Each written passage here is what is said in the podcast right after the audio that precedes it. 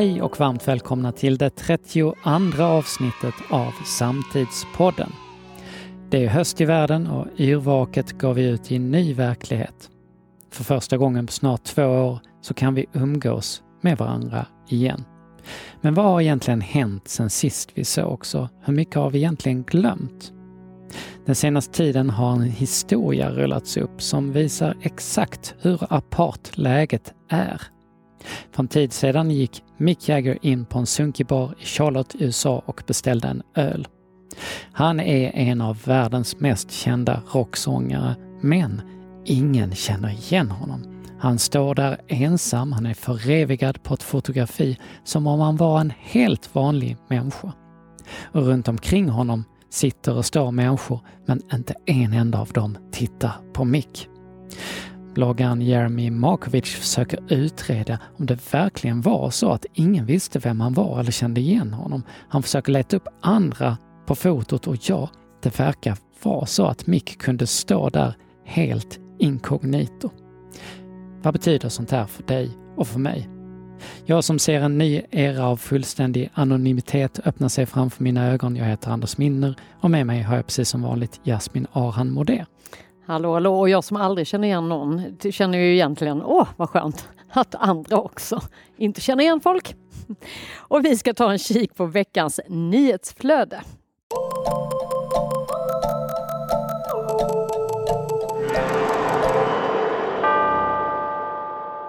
I Norge inträffade i onsdags ett fruktansvärt attentat med fem döda och flera skadade. Polisen har bekräftat att det rör sig om en radikaliserad man och att det verkar vara ett terrordåd. Det finns ju inga ord för detta. Fruktansvärt. Vi får följa utvecklingen med det. Dagens Nyheter har gjort en genomgång som visar att bara sex av börsens 50 största bolag har en renodlad hållbarhetschef i sin högsta ledning. Bara två av 15 industribolag på listan har en hållbarhetschef i ledningsgruppen. Och bland storbankerna är det bara Swedbank som har sin hållbarhetschef i ledningen och han är även kommunikationsdirektör, skriver Dagens Nyheter. Jasmin, vad tänker du om detta? Vad ska man säga? Eh, ja, men det, eh, jag trodde kanske att det var annorlunda. Jag är kanske inte jätteöverraskad någonstans och att det är, är den här kombon. Eh, ofta i, dessutom som kommunikationsdirektör eh, har vi ju sett, kommer tillbaks till det. Eh, jag skulle bara säga igen att, eh, att eh, det behövs, behövs skärpning. Ehm, jag lyssnade på ett eh, samtal häromdagen om och vi vet ju hur stor krisen är. Vi vet alla det. Det är nästan så att man går in i, i de här COP-förhandlingarna som kommer i Glasgow här om några veckor kring klimatförhandlingarna. Att de, de, de värsta eh, eh fienderna i klimatarbetet är ju inte klimatförnekarna för de finns knappt längre. Alltså det, det, för de finns ju såklart men de tar ingen plats längre. Men det är snarare det att vi inte snabbar på, att, att vi faktiskt tar detta eh, hela vägen och vågar investera och, och sätta detta högt upp på agendan oavsett industri eller investerare eller vad det är. Och då så säger vi bara för att liksom visa på på liksom hur allvarligt detta är ur ett bra perspektiv så inom 25-30 år så kommer eh, de länder som kommer drabbas värst av de här, den här värmen, den dödliga värmen, kommer ha 200 dagar per år av dödlig värme. Så om vi nu tycker att vi har ett problem med, med krig eller förflyttning i världen som påverkar naturligtvis i alla ändar med människoöden och eh, flyktingkriser och, och eh, liksom, eh, oro. Vi har inte sett någonting och vi måste förstå detta. Mm. Så eh, de här människorna måste få plocka upp mm. det här högt på agendan. Det är en del av ens affär, ens, inte bara överlevnaden, också affären såklart. Och på tal om det som du nämnde tidigare med kommunikatörer så skriver DNs eh, klimatreporter Peter Alestig i sin analys som är bredvid den här artikeln. Här är en fråga som har förföljt mig i åratal. Varför är så många hållbarhetschefer också kommunikatörer? Risken med de dubbla stolarna är tydlig att hållbarhetsarbetet i slutändan inte handlar om hur man styr sitt bolag i en mer hållbar riktning, utan bara om att beträffa ja. sin egen förträfflighet, även känt som greenwashing. Exakt. Ser du greenwashing, Jasmin? Överallt. Överallt. Och också att det handlar ju om att om du inte har med dig i din hela din strategi, i hela ditt sätt att beräkna din eh, framtida eh, vinst eller risk eller eh, arbete och ser att, att klimatet och, och hållbarhetsfrågorna är en del av affären eh, då får du inte helheten, då får du inte långsiktigheten och då blir du inte heller delen av, av svaret på lösningen utan då, då använder du det för att få uppmärksamhet. Och så räcker det med att man skrapar lite på ytan och så ser man att ja... Långsiktigt det, kan det inte vara bra nej, affärsstrategi nej. heller att, att, att låtsas. Och det vet vi om employer branding. Folk, unga människor tittar på detta mycket mer mm. noggrant. Det går inte att göra så längre. En intressant sak tycker jag här är kommunikatörerna. För kommunikatörerna har de senaste åren kommit tillbaka i massa olika debatter. Här är bara ännu en. Eh, vi känner igen det här från kommundiskussionen, alltså hur många kommunikatörer kan egentligen finnas på en, på en kommun och hur mycket är lämpligt. Eh, I Svenska Dagbladet så har Jan Arnqvist som är professor i zoekologi i Uppsala klagat på att det finns för många kommunikatörer vid eh, våra lärosäten och gjort en, dragit upp det här exakt hur mycket det har ökats här. Eh, här eh, finns det då, hans poänger här är lite grann det att, att de som egentligen kan prata om saker pratar inte längre om saker utan det är folk som inte kan någonting om de ämnena. Folk som kan prata pratar Precis. men de har ingen kunskap om det. Och där på vägen finns det någon slags demokratisk yttrandefrihetssak som, som han ser som, han har ju fått mycket mothugg här kan man säga, mm, okay, av kommunikatörerna. Mm. Men eh, han skriver en intressant sak tycker jag. Listan över fall där yttrande och meddelandefriheten bevisligen kränks med direkt eller indirekt hänvisning till en kommunikationsavdelning kan göras mycket lång. Yep. Det vill säga att ja, men du får inte prata här för det är inte bra för dig för vi har gjort ett val. Vi har en plan. Vi har en plan och, och det är mm. bäst att du inte mm. ska snacka vidare här. Samtidigt så ser vi såklart att lärosätenas stora problem, forskarnas stora problem, är ju att nå ut över Att de inte kommunicerar, ja. Att de inte kommunicerar. Så det, det är ju en, eh, och den eh, finns ju inte alls i den här diskussionen, ser jag, den problematiken. Tidningarna eh, försvinner från radarn från, från väldigt många människor, förutom en viss grupp som fortfarande läser dem. Kontaktytorna mot samhället försvinner. Hur ska man för Man måste bli sina egna medier forskarna är inte intresserade av att bli sina egna medier, de är intresserade av att forska. forska de behöver en, en uppbyggnad på, på vägen. Men på något sätt så gör ju, det, det här handlar ju om makt, tänker jag också. Ja, absolut. Så för så fort någon eh, pratar så är det någon annan som känner att man inte pratar. Och då är det den. Så det blir en liksom sådär en eh, något slags laxmustest på maktförflyttningar så fort man pratar om kommunikatörer, tänker jag. Och här handlar ju, alltså där är vi ju, eh, använda ordet i dess rätta bemärkelse, kommunikationen mellan, i det här fallet forskning och kommunikatörerna, så att det blir rätt. Att man faktiskt tar vara på det som ska ut, som är viktigt att få ut. För det man kan uppleva, lite som du inledde med, är ju många gånger att ja, men där finns en kommunikationsplan och den ska vi följa. Och man bara, fast nu har det ju hänt det här, det här måste ju få plats och tas plats. Och där kan man väl känna att alla har ju, vi brukar ju säga att eh, eh det här att, att där är alltid två i en, en, ett samarbete, en diskussion, ett, en kommunikation. Båda måste ju ta reda på och, och eh, eh, få kunskap så att det blir bra för alla parter. Man kan inte, kommunikationen, kommunikatören är inte där för sin egen saks skull. Den är ju där för att förmedla någonting viktigt. Och vice versa. Alltså förstår du? Ja, men det, nej, men det, det Ni måste börja kommunicera mellan er. Samtidigt så är det ju också så att, att den här professionen den behövs ju också för att det är så snabbrörligt idag. Absolut.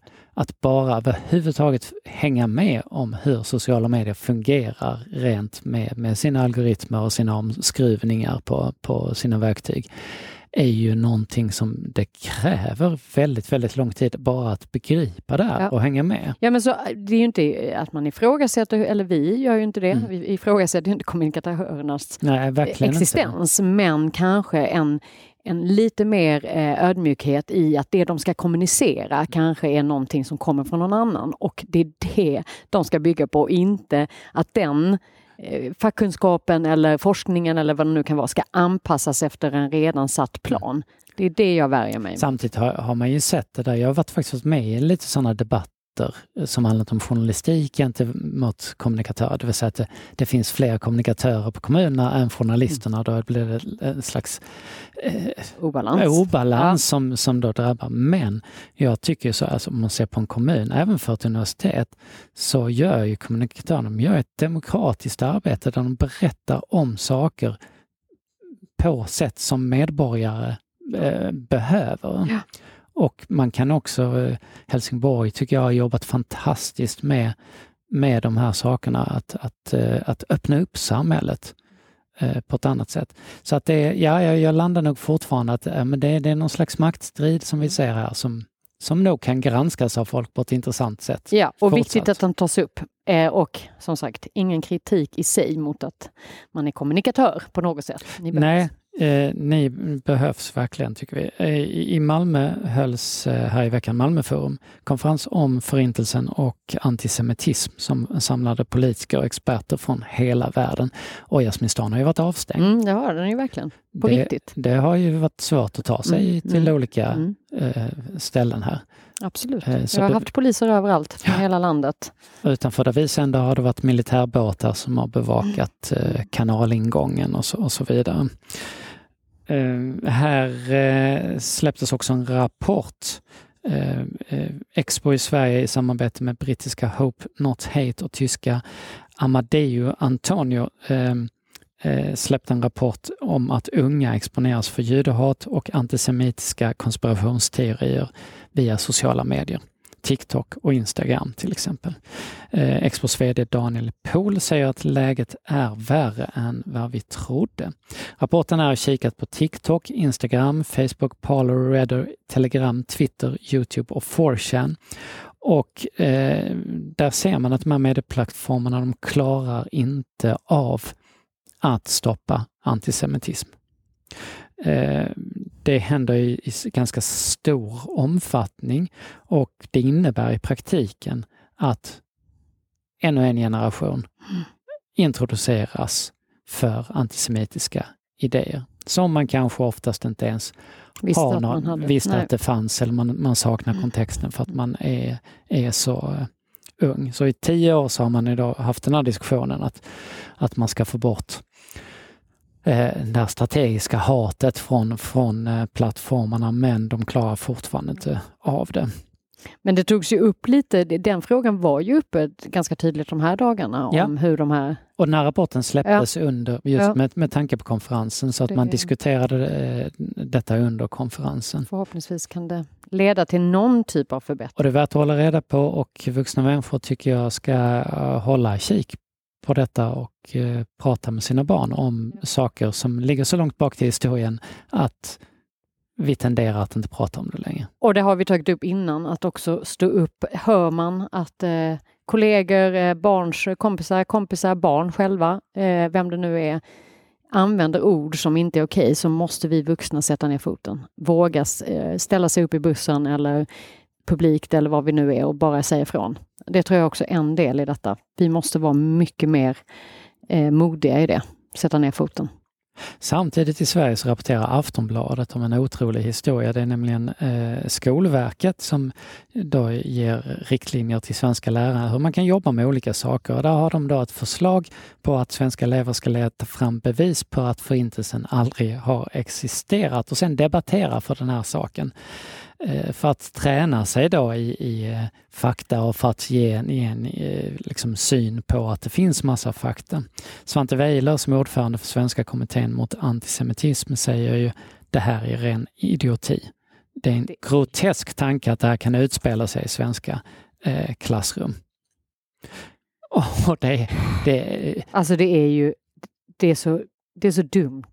Att ingen på vägen någonstans har... Eh... För lite som de reagerar på att, att detta är ju på, alltså detta, det är ju inte en, det är ju inte ett, eh, eh, någonting vi kan debattera. Det är inte så att det undrar om det. Nej, och samtidigt som de här konspirationsteorierna Ex. och desinformationen redan då finns, Exakt. sprids bland de unga, ska man då eh, låta folk arbeta Nej, med det? det? Helt, eh... Det finns bättre sätt att arbeta med antisemitism i skolan. Ja, och då ska vi ändå säga, kan vi ju bara pinga, vi har ju faktiskt från och med nästa månad, första november, så kommer det vara en, eh, en föreställning här hos oss på Studio Malmö eh, för skolungdomar i hela Malmö om eh, två vittnesmål från mm. Förintelsen. Ögonvittnen. Ögonvittnen och det är ju ett sätt att faktiskt nå ut för att den här historien måste fortsätta leva och jag hoppas att många tar del av den. Och ni kan söka på ögonvittnen, det är Malmö Stadsteater som gör denna och eh, det finns faktiskt fortfarande några biljetter kvar ja. innan det är slutsålt. Så, ja. så, Och de flesta biljetterna går ju till skolklasser, det är mm. därför det är väldigt få över så att säga. Men, eh, men ta vara på detta och eh, kan det inte komma så, så glöm inte att eh, här, den här historien, säga, men det här, de här berättelserna måste fortsätta leva. Därmed lämnar vi veckans nyhetsflöde.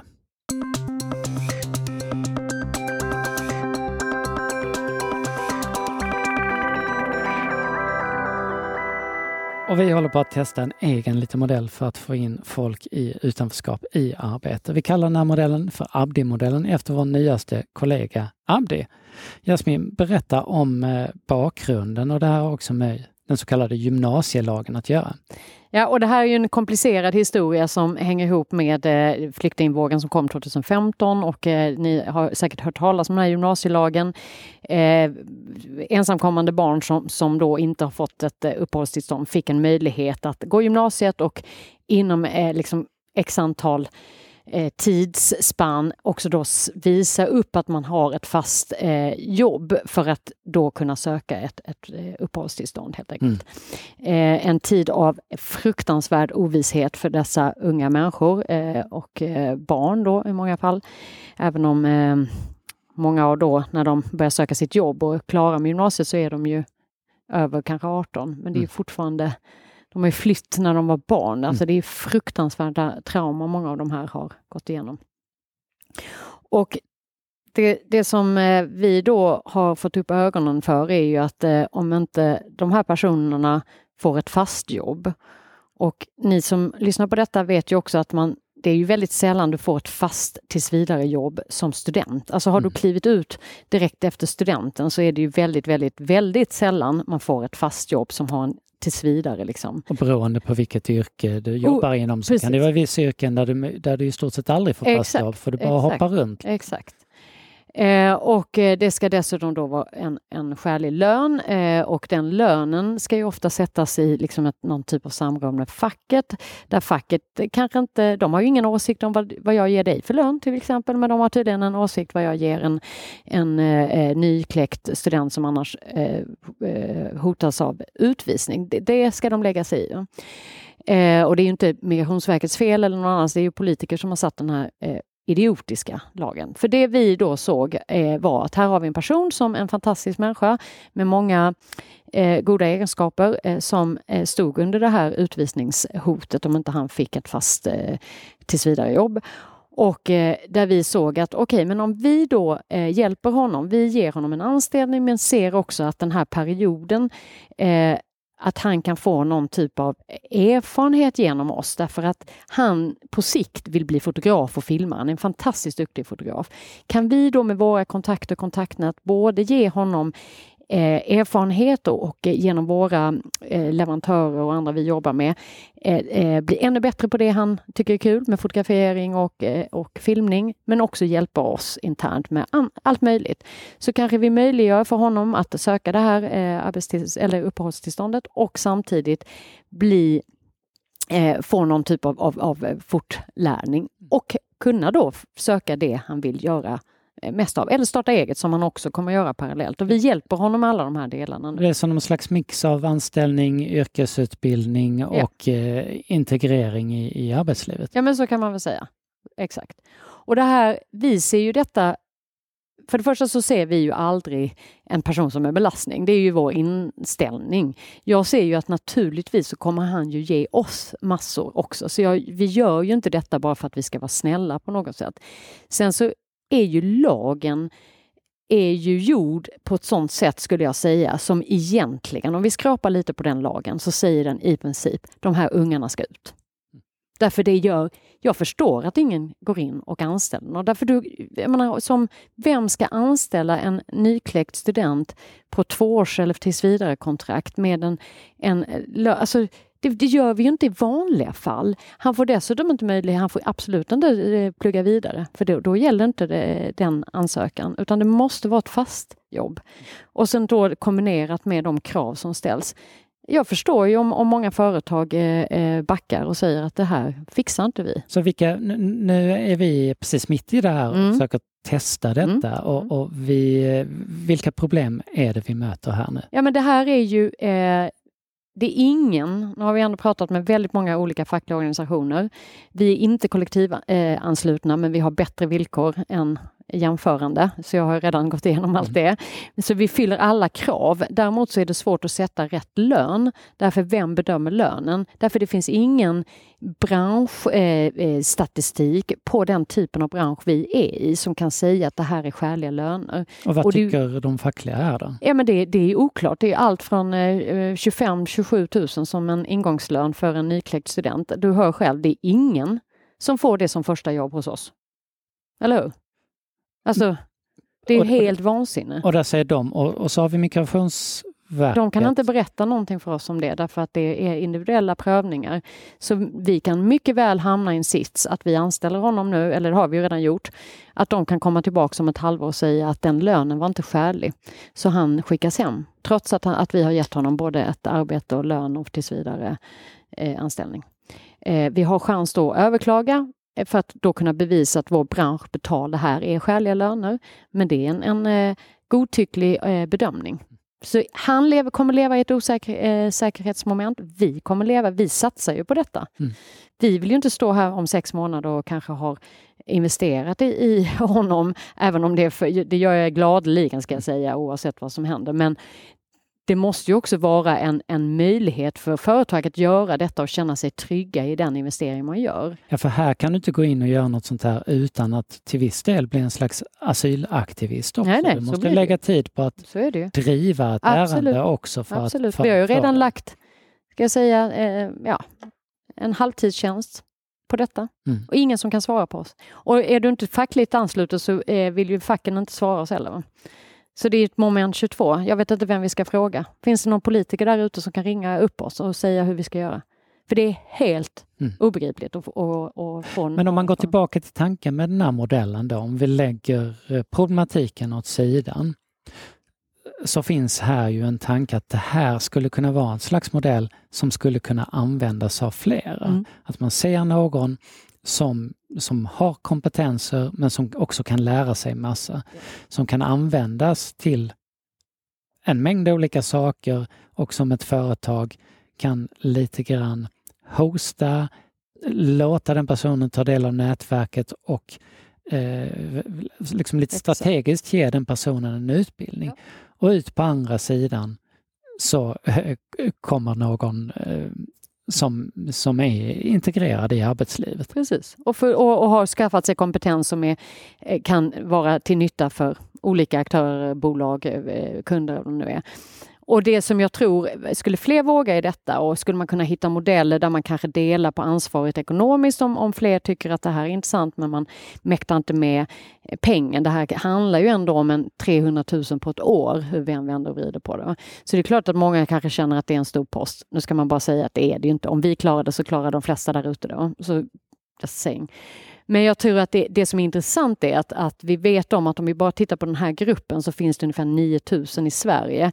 Bryter vi ner det, många av dem har förmodligen redan fått någon mm. typ av jobb och, och, eh, och bryter vi ner det till Skåne så är det inte så många.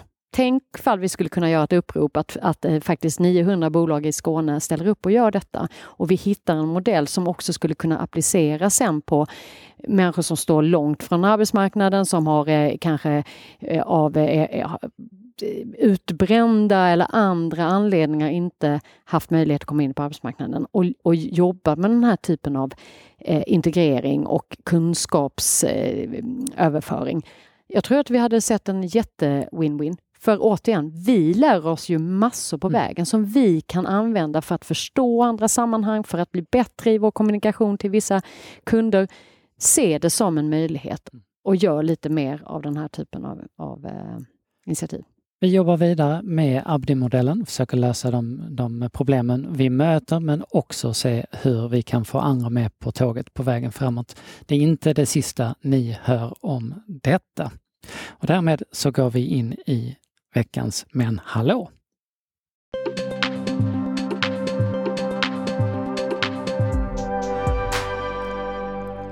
Har du samlat på något någon gång, Jasmin? Eh, det har jag säkert. Typ frimärken. Fri, nej, jag gjorde aldrig frimärken, men bo, vad heter de här bokmärkena? Bokmärken änglar, ja. feta änglar. Ja, och sen hade jag nallar. Alltså jag hade så mycket nallar. När du hade mycket nallar? Ja, men helt sinnessjukt. Hur mycket nallar ja, men det vill vi inte prata om, för jo, jag vet att jag vi. öppnade min garderob. För det är precis ämnet för ja. veckans mellanlå. Okej, okay, det var, ja men jag hade säkert över hundra små nallar. Du hade hundra nallar? Ja. Var är de idag? Ja, de är lite olika barns rum. Därför jag vill ju, ingen av oss, vi vill, sånt kan jag inte slänga eller lämna bort. Så det är ju i alla små lådor hemma på olika håll och kanter. Ja, Jasmin, nallsamlaren eh, Moder, eh, du eh, kommer gilla den här för att vi har två nya världsrekord, Guinness-rekord faktiskt. Oj, oj. Och den ena det är i, i din härad. Det är nämligen en kanadensare som är världens största samlare av Coca-Cola-burkar. Han har 11 308 Coca-Cola-burkar. Det är mesta person som en person eh, som en, med ett enda märke då har. Det finns Alltså mina hundra. Han har bara, bara Coca-Cola, olika burkar, 11 308.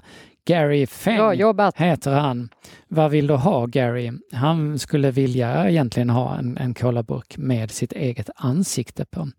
Vilken nalle vill du ha då Jasmin som har hundra nallar? Jag brukade ju kallas för en monarki. Med... Kommer du ihåg de här? Ja. Med jättestora öron för att jag har ganska stora öron. Det, det var vad jag Skulle ha en nalle med ditt eget ansikte på? Det är lite scary kanske. Ja, ja, vi hoppar det.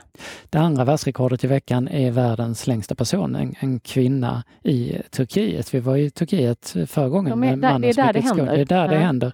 Hon är alltså 231 eh, centimeter lång. Det är, är jättelångt. Hon har någon, någon, slags eh, syndrom som gör att hon har vuxit och kan då inte Måste vara jobbigt. Röra sig ordentligt utan är rullstolsbunden, kan gå lite med, med hjälp. Men hon säger att, att varenda sån här sak, det kan du vända till en fördel för dig själv om du accepterar vem du är. Om du är medveten om din potential, om du gör ditt Vilken bästa. sund människa. Verkligen. Mm. Det är fredagen den 15 oktober och den här dagen idag, 1582, så börjar den gregorianska kalendern att användas. Och det är tur det, för annars hade vi inte vetat vilken dag det var idag. Nej, det är vi glada för. Annan vi vet ju knappt vad det är ändå, men, men eh, det är skönt. Gjort det. 1917 i Paris så avrättas eh, Mata Hari som tysk spion. Och den 15 oktober då signerar eh, Jimi Hendrix sin första skivkontrakt i England. Han får ett pund och en procent i royalty på skivor. En procent var för övrigt exakt vad jag hade när jag spelade in skivor. Var det så? så han ska inte, vara, han ska inte han ska komma inte här och tro att han är någonting. Det var vanligt även senare, Jimmy. Och 1981 så bildades tyvärr, får jag säga, för jag gillar inte dem, Metallica. Nej. Just den här dagen. Och hörni, det här var allt för oss idag. Du har lyssnat på Samtidspodden som produceras av Altitude Meetings och du kan hitta mer om oss på altitudemeetings.se. Och vi ses som vanligt om en vecka. Ha det bra till dess.